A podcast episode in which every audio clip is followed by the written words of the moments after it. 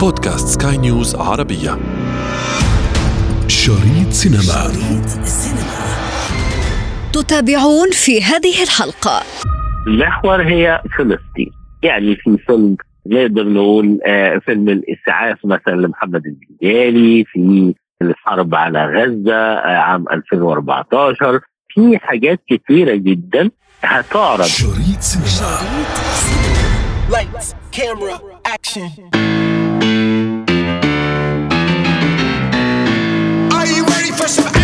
ولأنها فترة مهرجانات فنية سينمائية لابد أن تكونوا قد اشتقتم لتغطيتنا. اليوم سنحدثكم عن مهرجان في مصر له تاريخ عريق أنا ابتسام العكريمي وهذه حلقة جديدة من بودكاست شريط سينما على سكاي نيوز عربية. نتحدث فيها عن مهرجان الجونة. سينما منلف نلف نلف نلف والسنين بتلف تلف تلف. مهرجان الجونة السينمائي وبعد تأجيل طويل دام عاما ونصف يفتح أبوابه من جديد لصناع السينما من مختلف بقاع العالم. ورغم تأجيله بسبب الحرب الدائرة في قطاع غزة لهذه الدورة إلا أنه انطلق بموسم استثنائي يخبئ الكثير من المفاجآت. البداية بتقليص عدد الضيوف والحضور وإلغاء جميع المظاهر الاحتفالية وصولا لتنظيم نافذة سينمائية خاصة على فلسطين للتركيز على الأعمال السينمائية التي دارت مواضيعها حول القضية الفلسطينية. Ich vergesse manchmal, wie dein Gesicht aussieht, wenn du weg bist. الافتتاح بأول عرض في العالم العربي للفيلم القصير The Red Sea Makes Me Wanna Cry ضمن جملة الأعمال المشاركة في مهرجان الجونة كان الفيلم قد شهد عرضه العالمي الأول في مهرجان كان السينمائي الدولي مسجلا نفسه كأول فيلم أردني قصير يشارك في هذا المهرجان السينمائي العريق. وانطلق بعد ذلك أوروبيا حيث شارك في مهرجان مناك السينمائي الدولي في مقدونيا كما عرض في كندا في مهرجان السينما الجديدة في مونتريال ونافس في جائزة الفيلم القصير الألماني. I don't know why I went to the roof every day.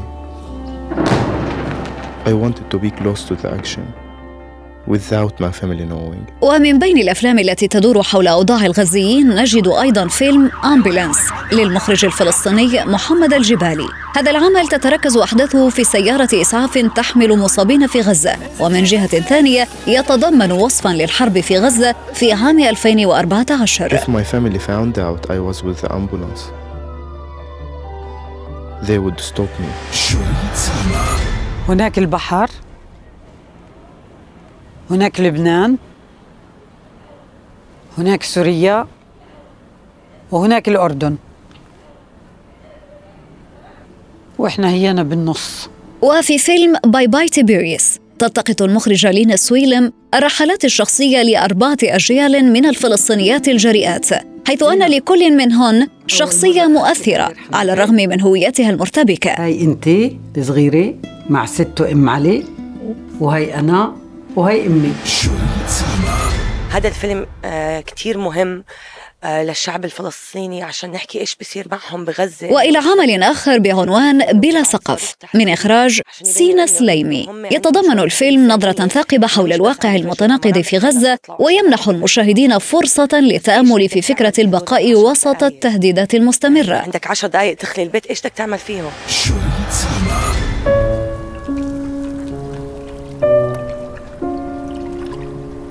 الكثير من الأعمال الحاضرة في هذه الدورة والتي سنتعمق في قصصها أكثر مع الناقد الفني أحمد سعد. دورة سبق بمهرجان الجونة كان المفروض إن هي تقام في شهر أكتوبر. وفعلا في شهر أكتوبر كان الاستعداد وكل حاجة ولكن حصل بقى الحرب في غزة بشكل طبعا كبير فتم تأجيل المهرجان لمدة أسبوع. وبالتالي على أساس أن الدنيا هت- هتهدى. لكن حصل تصاعد في موضوع الحرب بشكل كبير. اتخذت إدارة الجونة قرار ب مش بقى تأجيل المهرجان لا. يعني نقدر نقول إن هي التأجيل للعام القادم. إلغاء الدورة هذا العام.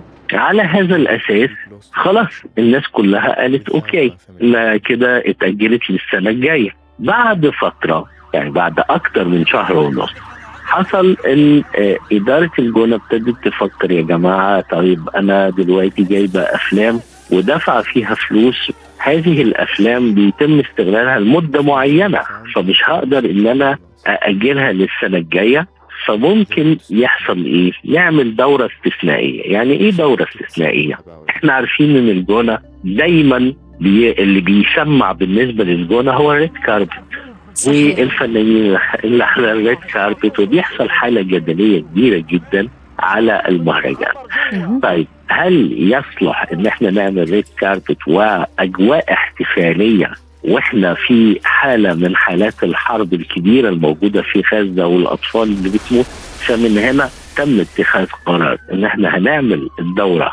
هذه الدورة كدورة استثنائية اللي هو الخميس 14 ديسمبر هذه الدورة الاستثنائية مش هيبقى فيها أجواء احتفالية. لا حفلات ولا فعاليات خاصة بالاحتفالات الخاصة بالنجوم ولا أي شيء. هتبقى آه، يعني عبارة عن عروض سينمائية بشكل كبير وما فيش الأجواء الاحتفالية حتى أن إدارة المهرجان خفضت عدد الضيوف إلى 50% ده اللي كانت اتخذت هذا القرار. من هنا نقدر نقول إن الدورة النهارده هتبتدي آه، بهذا الشكل بالإضافة إلى آه، حاجة مهمة جدا إن في قسم خاص آه، عنوانه نافذة على فلسطين. هيعرض مجموعة من أهم الأفلام اللي تتعمق في قلب القضية الفلسطينية. هذه الأفلام جديدة كلها أم أنه في يعني أعمال لا قديمة؟ هيبقى من ده وده مش هتقدري إن أنت تجيبي كل الأفلام الجديدة في الوقت الحالي. لأن مش مش مفيش أفلام كتير موجودة بهذا الشكل. كلها فلسطينية أم أنه من مختلف صناع ال- ال- السينما ولكن المحور أو الموضوع حول فلسطين؟ المحور هي فلسطين.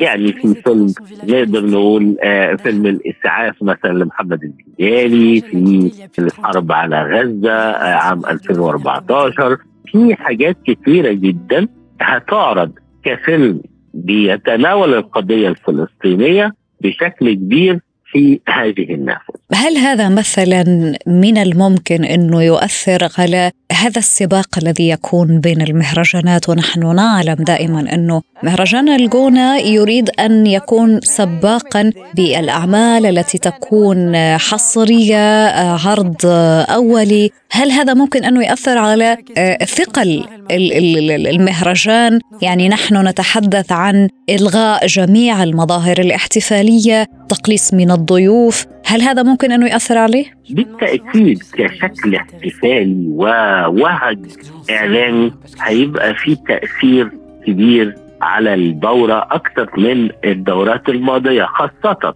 ان إحنا العام الماضي الدوره تم تأجيلها أو إلغائها تماما. يعني 2022 ما كانش فيه دوره للجونة.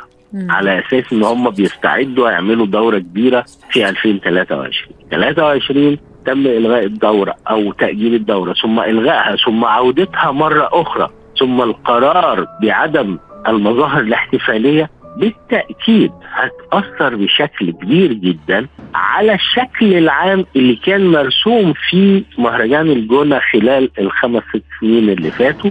الحاجة الثانية مهرجان الجونة دايما كان بيسعى إلى ضيوف أو بيأتي بضيوف آه عالميين أو كده. حتى الآن ما فيش إعلان عن هؤلاء الضيوف. يعني لن يكون هناك ضيف من الضيوف العالميين من صناع السينما والأفلام من المخرجين كتاب السيناريو؟ لا حتى الآن ما فيش لم يعلن إن في آه، ضيف كبير أو ضي- ضيوف كبار من هؤلاء إلا إذا كان يعني هو ممكن يأتي بقى في الختام ممكن ياتوا بنجم كبير أو غيره زي ما كان بيحصل قبل كده لكن حتى الآن لم يعلن اسم كبير بهذا الشكل ماذا عن التكريمات؟ لن يكون هناك أي تكريم في هذه الدورة؟ هو في في تكريمات يعني مثلا المخرج مروان حامد هيكرم في هذه الدورة. ومروان حامد اسم كبير المفروض طبعا. في عالم السينما وفي السينما العربية تحديدا.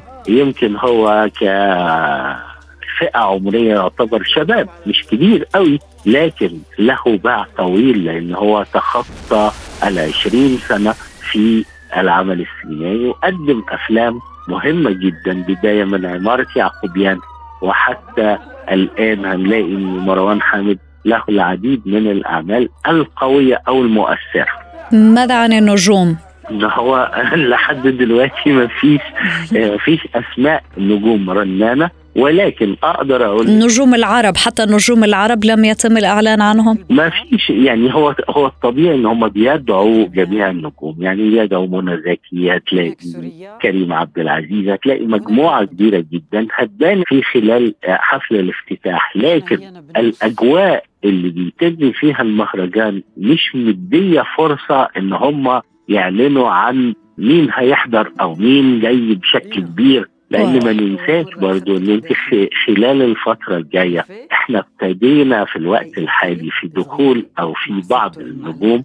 ابتدت تصوير بعض الأعمال اللي هتنتج للموسم الرمضاني. يعني ممكن إنه يكونوا مشغولين أو مش قادرين يعني وضعهم أو وقتهم ما يسمح لي بحضورهم. الآن ممكن.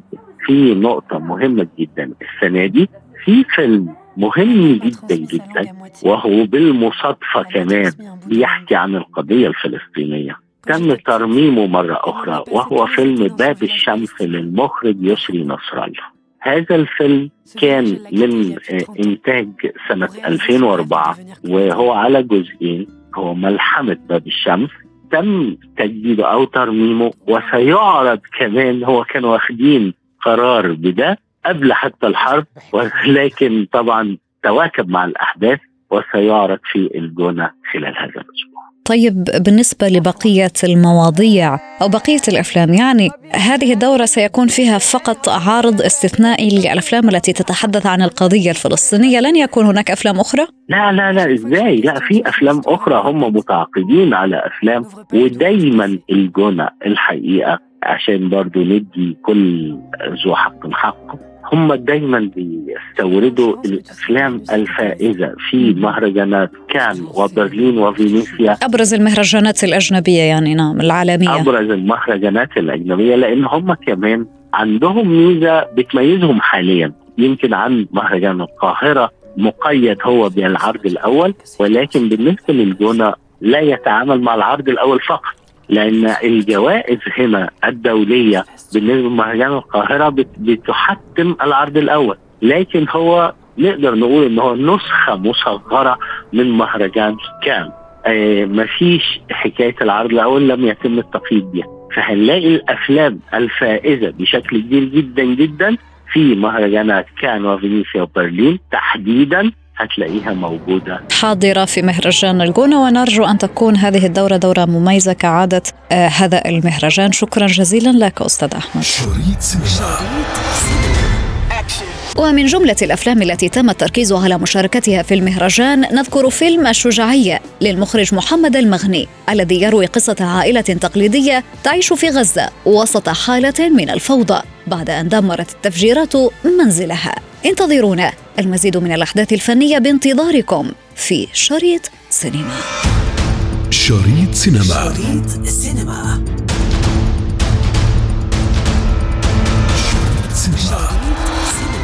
وفي ختام حلقتنا نذكركم بمتابعتنا والاستماع لنا عبر منصة البودكاست لسكاي نيوز عربية وباقي منصات البودكاست الأخرى. كنت معكم في الإعداد والتقديم أنا ابتسام العكريمي وكان في الإخراج نويل بولس